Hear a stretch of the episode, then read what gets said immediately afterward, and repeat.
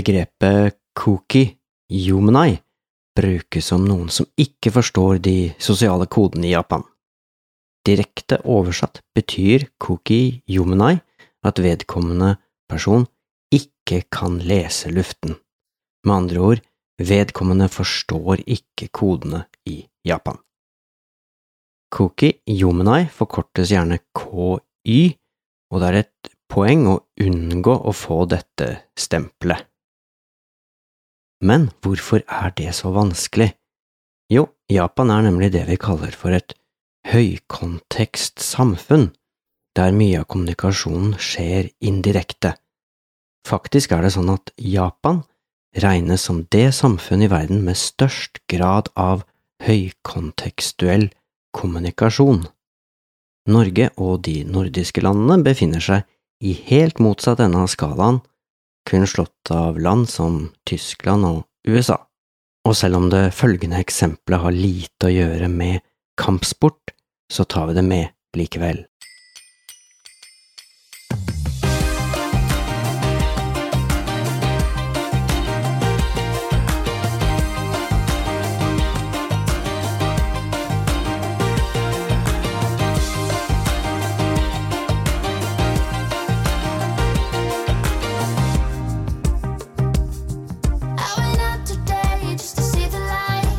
På japanske arbeidsplasser har man gjerne sosiale sammenkomster etter arbeidstid, og da går man kanskje ut på bar eller restaurant, og dette fenomenet kalles for nomikai, som rett og slett betyr drikkefest.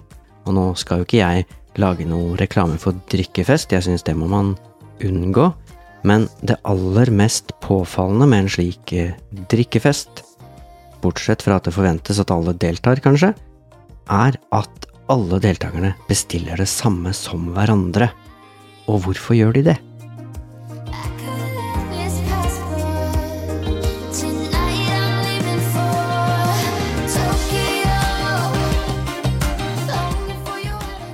Først og fremst så er det naturlig å se på dette som et ønske om å tilhøre gruppa.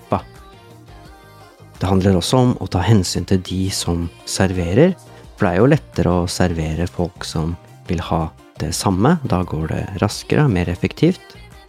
Og på den måten handler det også om de andre gjestene, som ikke trenger å vente så lenge på sine bestillinger.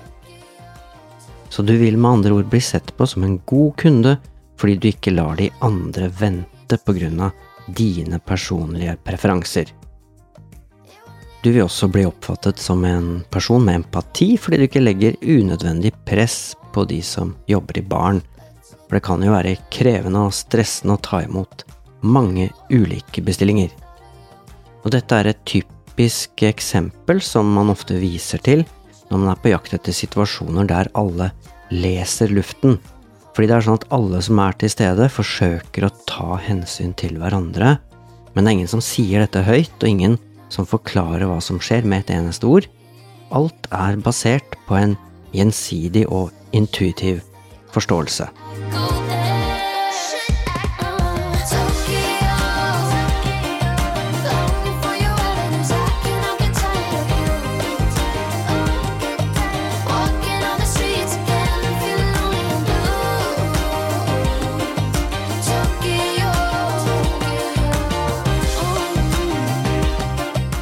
Japan er altså det vi gjerne kaller for en høykontekstuell kultur, og det betyr rett og slett at det ligger mye informasjon i det som ikke blir sagt direkte. Og i praksis så kan det f.eks. For foregå på den måten her at man på T-banen eller tog eller trikken alltid setter sekken på gulvet foran seg, sånn at det blir plass til flere. Eller at man i en rulletrapp står på én side, slik at travle folk skal slippe å unnskylde seg når de vil raskt forbi. Og de eh, observante lytterne som dere er, dere hører sikkert at dette er jo ikke ulikt det som man omtaler som høflighet, eller det å ta hensyn her i Norge, men det som kanskje er litt spesielt, er at det er så integrert og eh, på en måte mm, en naturlig del av den japanske kulturen. Og det finnes utallige sånne små handlinger eller små eksempler på hensyn som man tar hver dag. Og mange av de eksemplene kjenner dere sikkert igjen fra vårt eget land også, og fra vår egen kultur, men i Japan så gjennomsyrer det her hele samfunnet og væremåten til alle og enhver. Er man turist i Japan, så kan jo dette være ganske så eksotisk og fascinerende, men på den annen side så er det mange koder og forventninger, og det kan være vanskelig for en som ikke er oppvokst i det japanske samfunnet, å få med seg alt man burde og ikke burde gjøre og si. Og det er her dette uttrykket koki yomenai kommer inn i bildet, som betyr altså en som ikke kan lese luften. Og i denne episoden av Judomania så skal vi se nærmere på hva det vil si å lese luften, som han sier i Japan. Jeg heter Arne Midtlund, og denne podkasten handler om alt som på en eller annen måte kan knyttes til judo, kampformer og japansk og asiatisk kultur.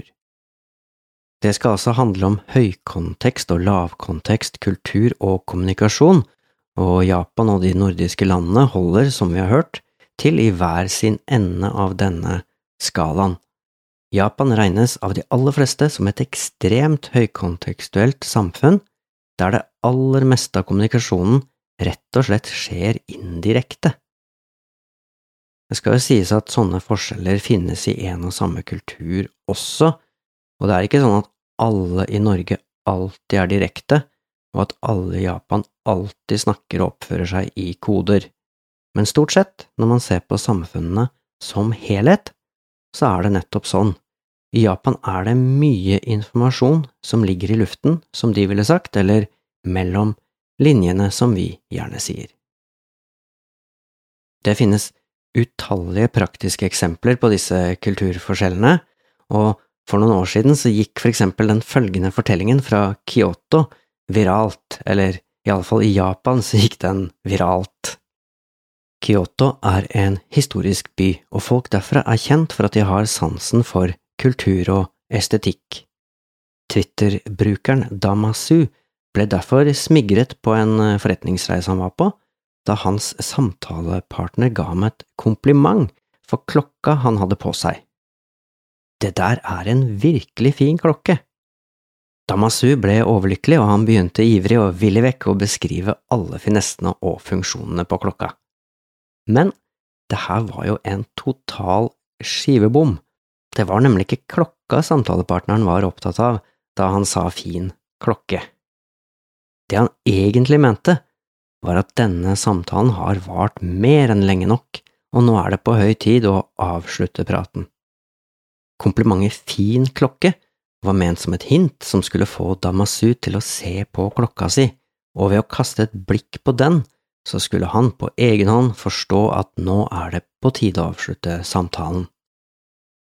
Det skjønte ikke Damasu, og dessverre så sier ikke fortellingen noe om hvordan samtalen ble avsluttet.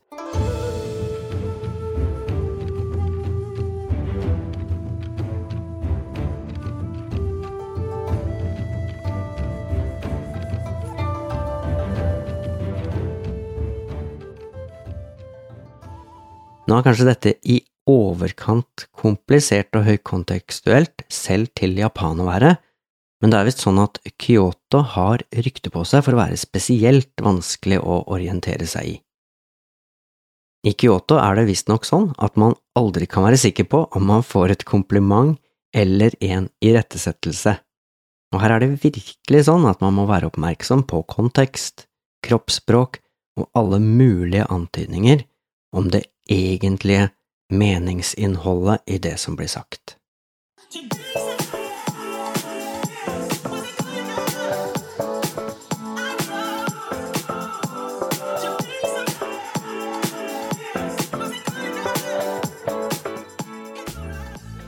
I Kyoto, og dette er et annet eksempel fra virkeligheten, så er det sånn at hyggelig fest, vi blir jo rent misunnelige på dere som har det så gøy ikke nødvendigvis betyr at man ønsker å bli invitert, men snarere kan være et varsel om at neste gang det er festing og bråk på denne måten, så ringer vi politiet.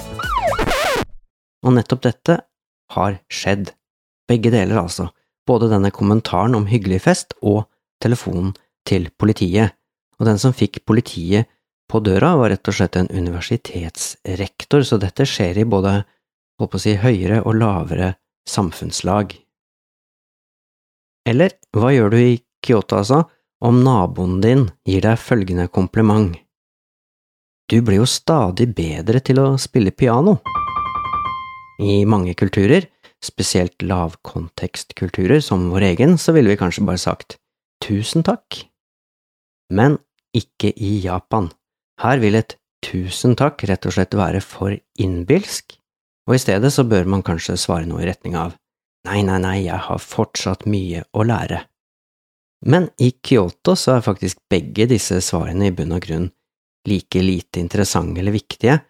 Det eneste korrekte svaret på en slik henvendelse er å faktisk spille lavere neste gang du øver. I og med at dette er en podkast med utgangspunkt i japanske kampformer, så kan vi nå bevege oss inn i en japansk dojo, for det er kanskje den japanske settingen som mange av dere som hører på, har best kjennskap til. Og nå kommer det faktisk tre fortellinger.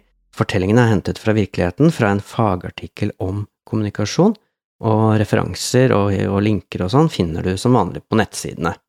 Der finner du også flere figurer og illustrasjoner som viser hva som kjennetegner høy og lavkontekstuell kommunikasjon, så jeg anbefaler deg å gå inn på judomania.no etter å ha hørt denne episoden ferdig.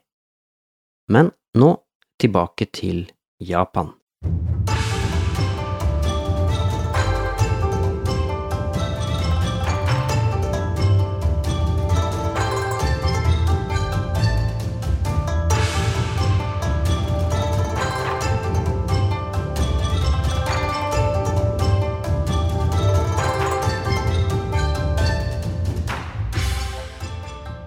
I en eh, treningssal, eller dojo, så hender det jo at man trener sammen med personer som har mindre erfaring.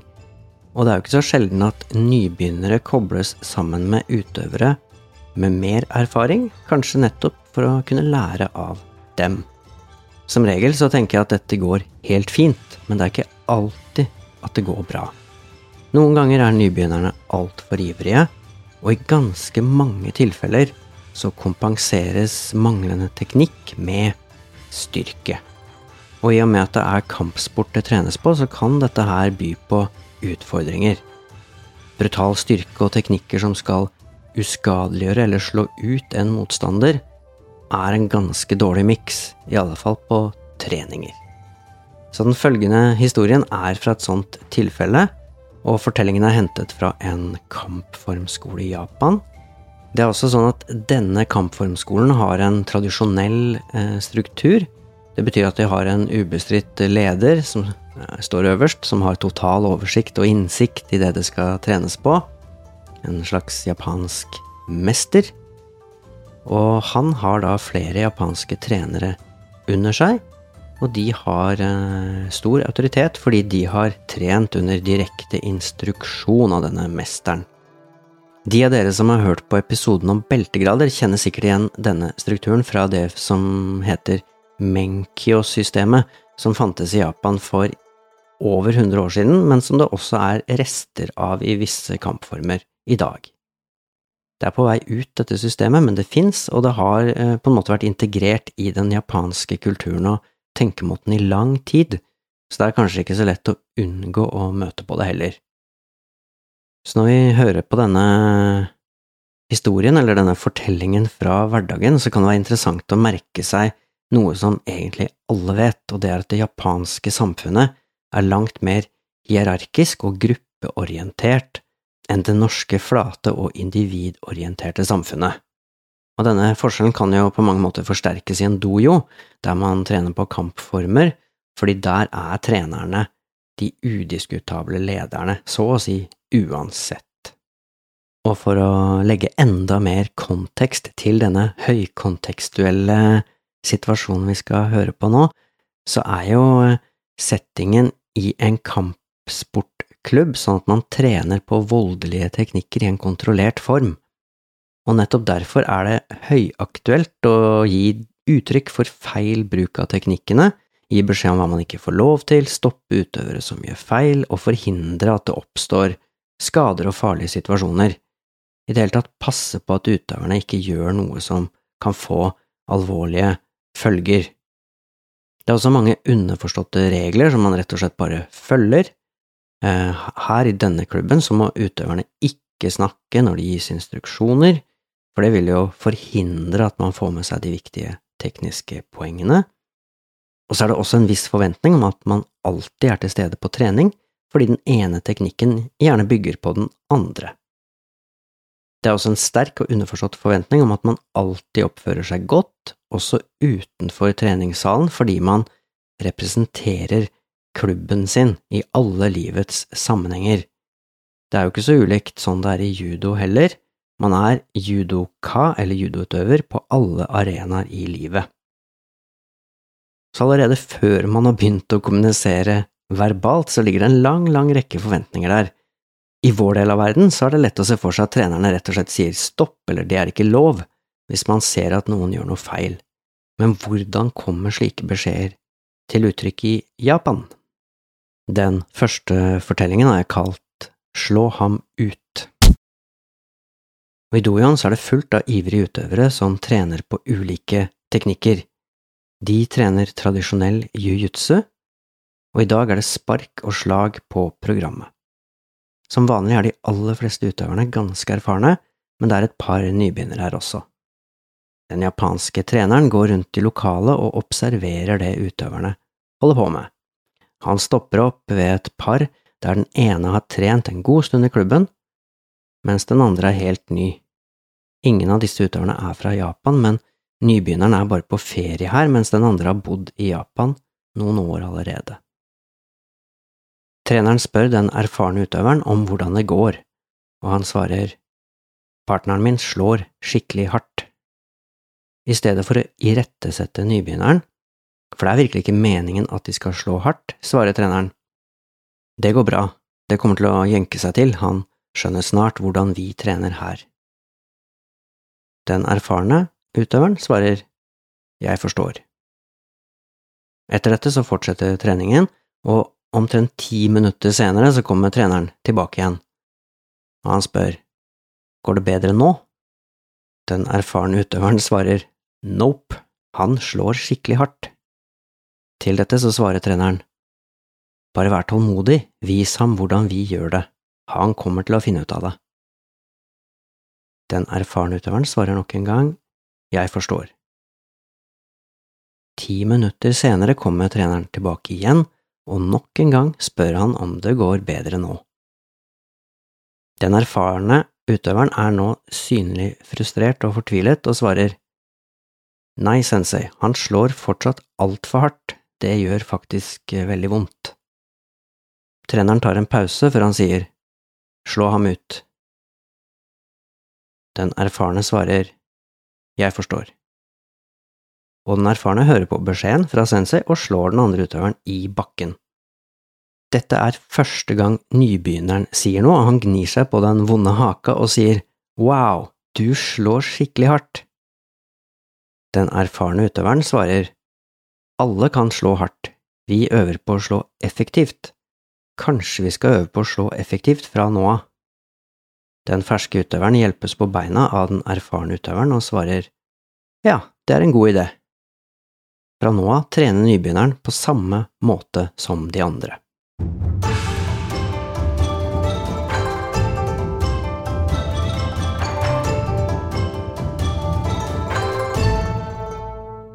I denne fortellingen så hadde nybegynneren bommet på en helt grunnleggende ferdighet i et gruppeorientert samfunn som det japanske. Du må observere hva de andre gjør. Gjør du det samme som dem, så er sjansen stor for at du gjør noe riktig. I denne dojoen var det å ikke påføre andre smerte en del av øvingsbildet som sensei hadde demonstrert. Det var altså ikke meningen at den andre skulle få vondt, for hvis det hadde vært meningen, så ville treneren ha demonstrert det. Derfor var det uakseptabelt av nybegynneren å påføre sin treningspartner smerte. Denne voldsomme måten å utføre teknikken på var altså ikke meningen, det var ikke slik man skulle gjøre det. Likevel så ble ikke dette budskapet kommunisert direkte med utøveren, som kanskje mange av oss hadde tenkt ville vært mye raskere og mer effektivt. Her var det rett og slett forventet at han skulle observere de andre, og så forsøke å gjøre det på samme måte. Den erfarne utøveren ønsket hjelp av treneren, men sa heller ikke dette direkte. I stedet så sa han at treningspartneren slår veldig hardt. Han fant på en måte en mellomløsning midt imellom det høy- og lavkontekstuelle. Og ved neste anledning så undersøkte jo treneren om dette problemet hadde løst seg, av seg selv, men det hadde det ikke, og når den erfarne utøveren ble bedt om å slå hardt, så var det ikke ment som straff eller hevn mot nybegynneren, men det harde slaget skulle illustrere hvilke normer som gjelder på treningen. Og helt fram til nå så har jo hele situasjonen vært ekstremt høykontekstuell når det gjelder kommunikasjonsform. Likevel så avsluttes hele sekvensen med en lavkontekstuell kommentar der budskapet, eller kommunikasjonen mellom utøverne, kan man si, skjer rimelig direkte. Men hvorfor er det sånn, spør du deg kanskje om, hvorfor er det slik at den japanske kulturen er så opptatt av konteksten og det som ikke kan kommuniseres direkte og verbalt? Det finnes det sikkert mange grunner til, men to grunner som mange peker på, handler om språk og kultur.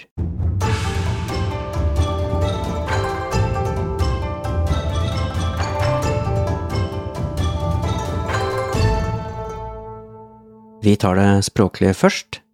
Det japanske språket er fullt av det vi kaller for homonymer, og det er ord som skrives eller uttales likt, men som har forskjellig betydning avhengig av konteksten. Mange, mange ord i det japanske språket er homonymer og har flere betydninger. Enkelte ord har vis, eh, titalls betydninger, og et sted leste jeg at det finnes et eh, japansk ord, kosho, med 48 ulike betydninger avhengig av hvilken kontekst du bruker ordet i. Det er også sånn at den japanske setningsoppbygningen gjør at man ikke kan vite om en setning er positiv eller negativ før på slutten av setningen. Det avgjøres altså helt til slutt i et utsagn om det som sies er en gladsak, eller om det er noe mer negativt. For det andre, når det gjelder det kulturelle, så er det flere språkforskere som har eh, antydet at geografien påvirker språket. Japan er jo rett og slett et øysamfunn som har vært relativt ensarta, eller homogent, i flere tusen år, og det kan også ha ført til at flere kommunikasjonskoder har fått anledning til å utvikle seg. I tillegg til det her, så har du i Japan fenomenene honne og tatema. Og honne og tatema, det er to ord som jeg bare skal forklare kort før vi går til den neste fortellingen. Honne betyr ditt sanne jeg, og i Japan så uttrykker man seg heldigvis relativt fritt på hjemmebane og i private setninger. Da kan man liksom senke garden og være seg selv, og dette kalles håndet. Den antydende væremåten som vi nå har snakka om fram til nå, som er prega av høykontekstuell kommunikasjon, i det offentlige rom, det kalles for tatema. Og tatema, det er den fasaden, kan du kalle det, som folk bruker offentlig, og den kan gjerne gå på tvers av de egentlige følelsene man har. Og for oss i Vesten så oppfattes kanskje dette som litt overfladisk og uærlig, men det er helt nødvendig i det japanske samfunnet, der gruppa den sosiale tilhørigheten er viktig. Så det var litt sånn teoretisk bakgrunn her. Nå skal vi høre en ny fortelling fra Dojon for å vise hvordan man forsøker å løse utfordringer på en indirekte måte. Og nettopp denne fortellingen kan vi godt kalle for indirekte utvisning. I denne fortellingen fra virkeligheten så handler det om en utøver som ble mer og mer arrogant og voldsom i takt med at ferdighetene og erfaringen hans økte.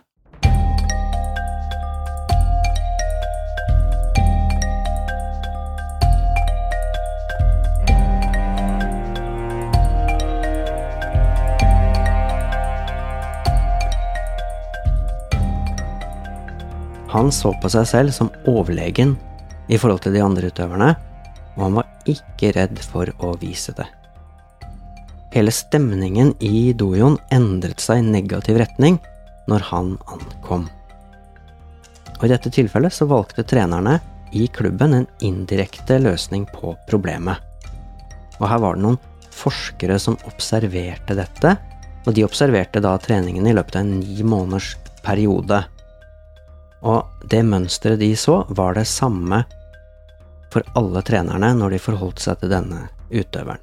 Fordi hver gang vedkommende trente i dojoen, valgte trenerne å instruere i lette og ufarlige teknikker med minimal kroppskontakt. Det var altså teknikker der det var vanskelig å skade andre. Det var også, ikke helt tilfeldig, teknikker den arrogante utøveren absolutt ikke likte å trene på.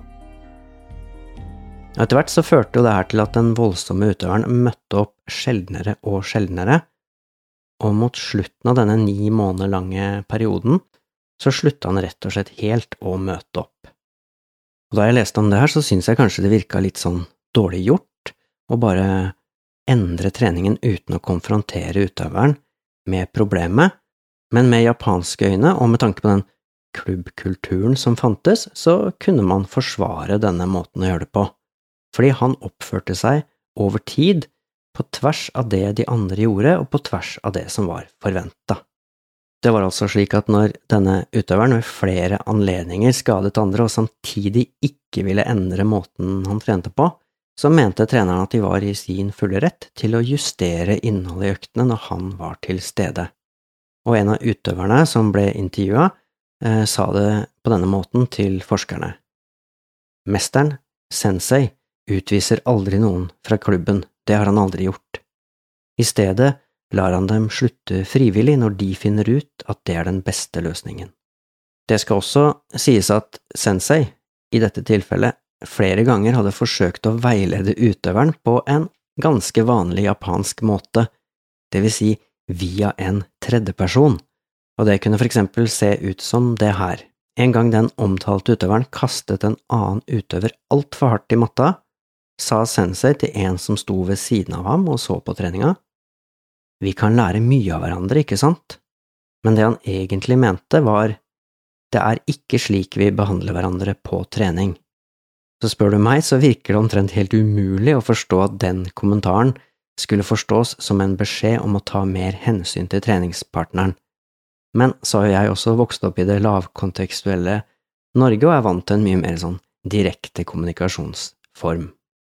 Og apropos det her, så er det i Japan omtrent livsviktig å unngå å si nei, og det finnes utallige måter å omgå det ordet på. Så hvis noen sier jeg vet ikke hva andre ville mene om dette, eller det kan bli litt vanskelig, så er gjerne det den sterkeste nektelsen man kan by på i det japanske samfunnet. Det blir også sett på som ekstremt viktig å unngå konflikt eller å påføre andre en følelse av skam og skyld. Og i et sånt samfunn så er jo det med indirekte irettesettelse eh, meningsfylt. Og hvis dere er som meg og synes at dette høres ganske vanskelig ut, så er det jo eh, sånn, visstnok, at man er litt mer forståelsesfulle og tilgivende overfor turister som ikke helt eh, skjønner tegninga, og når det gjelder sånn generelt, så har det vist seg at det er lettere for noen som er vant til høykontekstuell kommunikasjon, å omstille seg til lavkontekstuell kommunikasjon enn omvendt. Men hvis du likevel vil ha noen tips om hvordan du skal klare å lese lufta, eller lese situasjonen, eller unngå misforståelser, så handler det i bunn og grunn om å være oppmerksom på omgivelsene. Følg med på kroppsspråket til de du har rundt deg, se hva de andre gjør, og gjør mer eller mindre det samme som dem. Så hvis du er på en judotrening, og ingen andre kaster hverandre i matta, så bør heller ikke du gjøre det. Utenfor dojoen så bør du være oppmerksom på bevegelser, ansiktsuttrykk, kroppsspråk, og ifølge David Matsumoto, som er professor i psykologi i San Francisco, så er det viktig å følge med på alle de ikke ikke-verbale hintene, som en rykning i øyet, munnviken til samtalepartneren, stillheten, som ofte kan være veldig talende, for å si det sånn, og alle varianter av smil.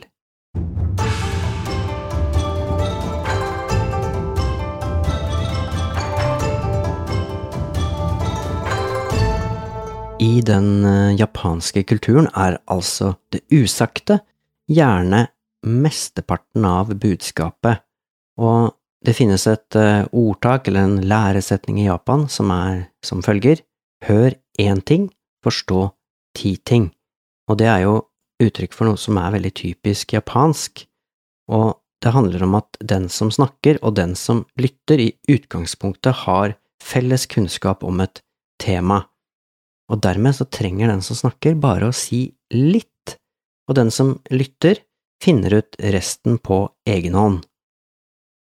Dette fungerer selvsagt fint hvis begge er fra Japan, men det kan raskt by på problemer dersom utlendinger som ikke deler den samme erfaringen og forståelsen, kommer til Japan, og i slike tilfeller så er det vanskelig å forstå ti ting når du hører én ting. Dette er det også gjort forskning på, blant annet eh, med noen amerikanere som eh, var ansatt i en japansk eh, bedrift og som jobbet i Japan. De uttalte at de ikke fikk tilbakemeldinger på det arbeidet de gjorde, mens de japanske sjefene sa at de hadde vært ekstra påpasselige med å gi mange tilbakemeldinger til disse arbeiderne. Men her tenker jeg i hvert fall det å være klar over disse kulturforskjellene vil hjelpe til en viss grad. Men det er ikke alltid at informasjonen er indirekte heller.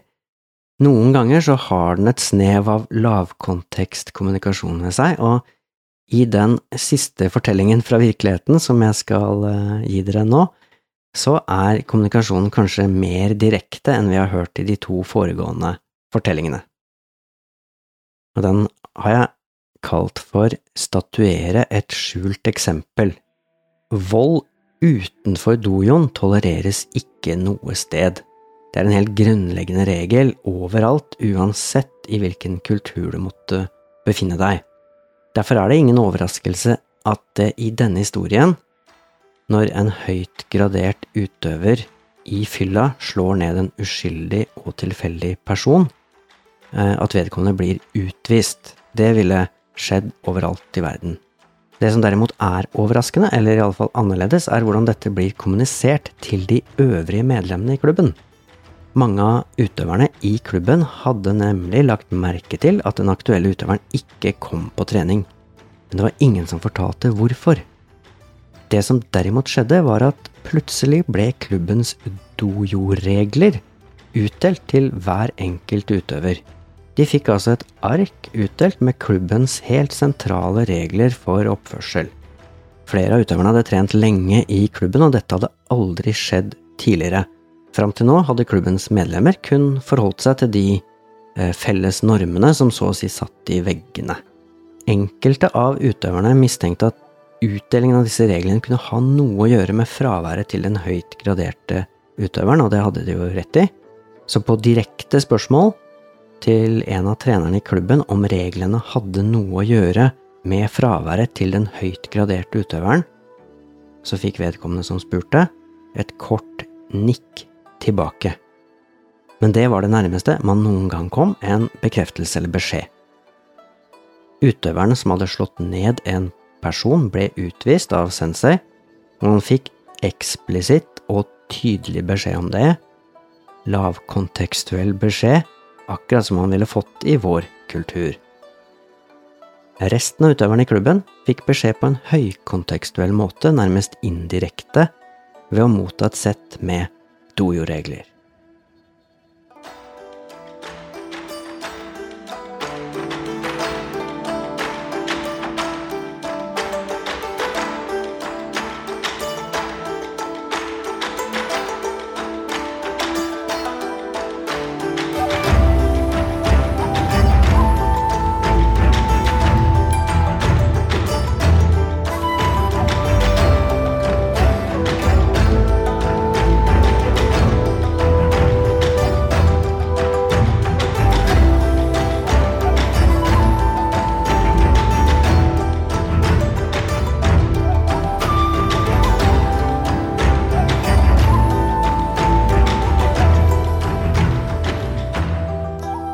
Til slutt, som jeg har så vidt vært inne på, Du trenger ikke å bekymre deg altfor mye over det her.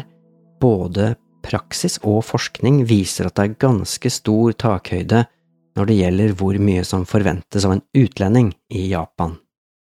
Det er generelt lettere, som jeg nevnte, for en person fra en høykontekstkultur å tilpasse seg en lavkontekstperson enn motsatt. Dessuten er det til og med sånn at personer som er født og oppvokst i Japan, gjør feil når det gjelder disse tingene. Men om du er i Japan og har lyst til å prøve, så kan det jo kanskje bidra til å gjøre oppholdet ditt enda mer interessant og spennende. Med det er det på tide å avrunde denne episoden.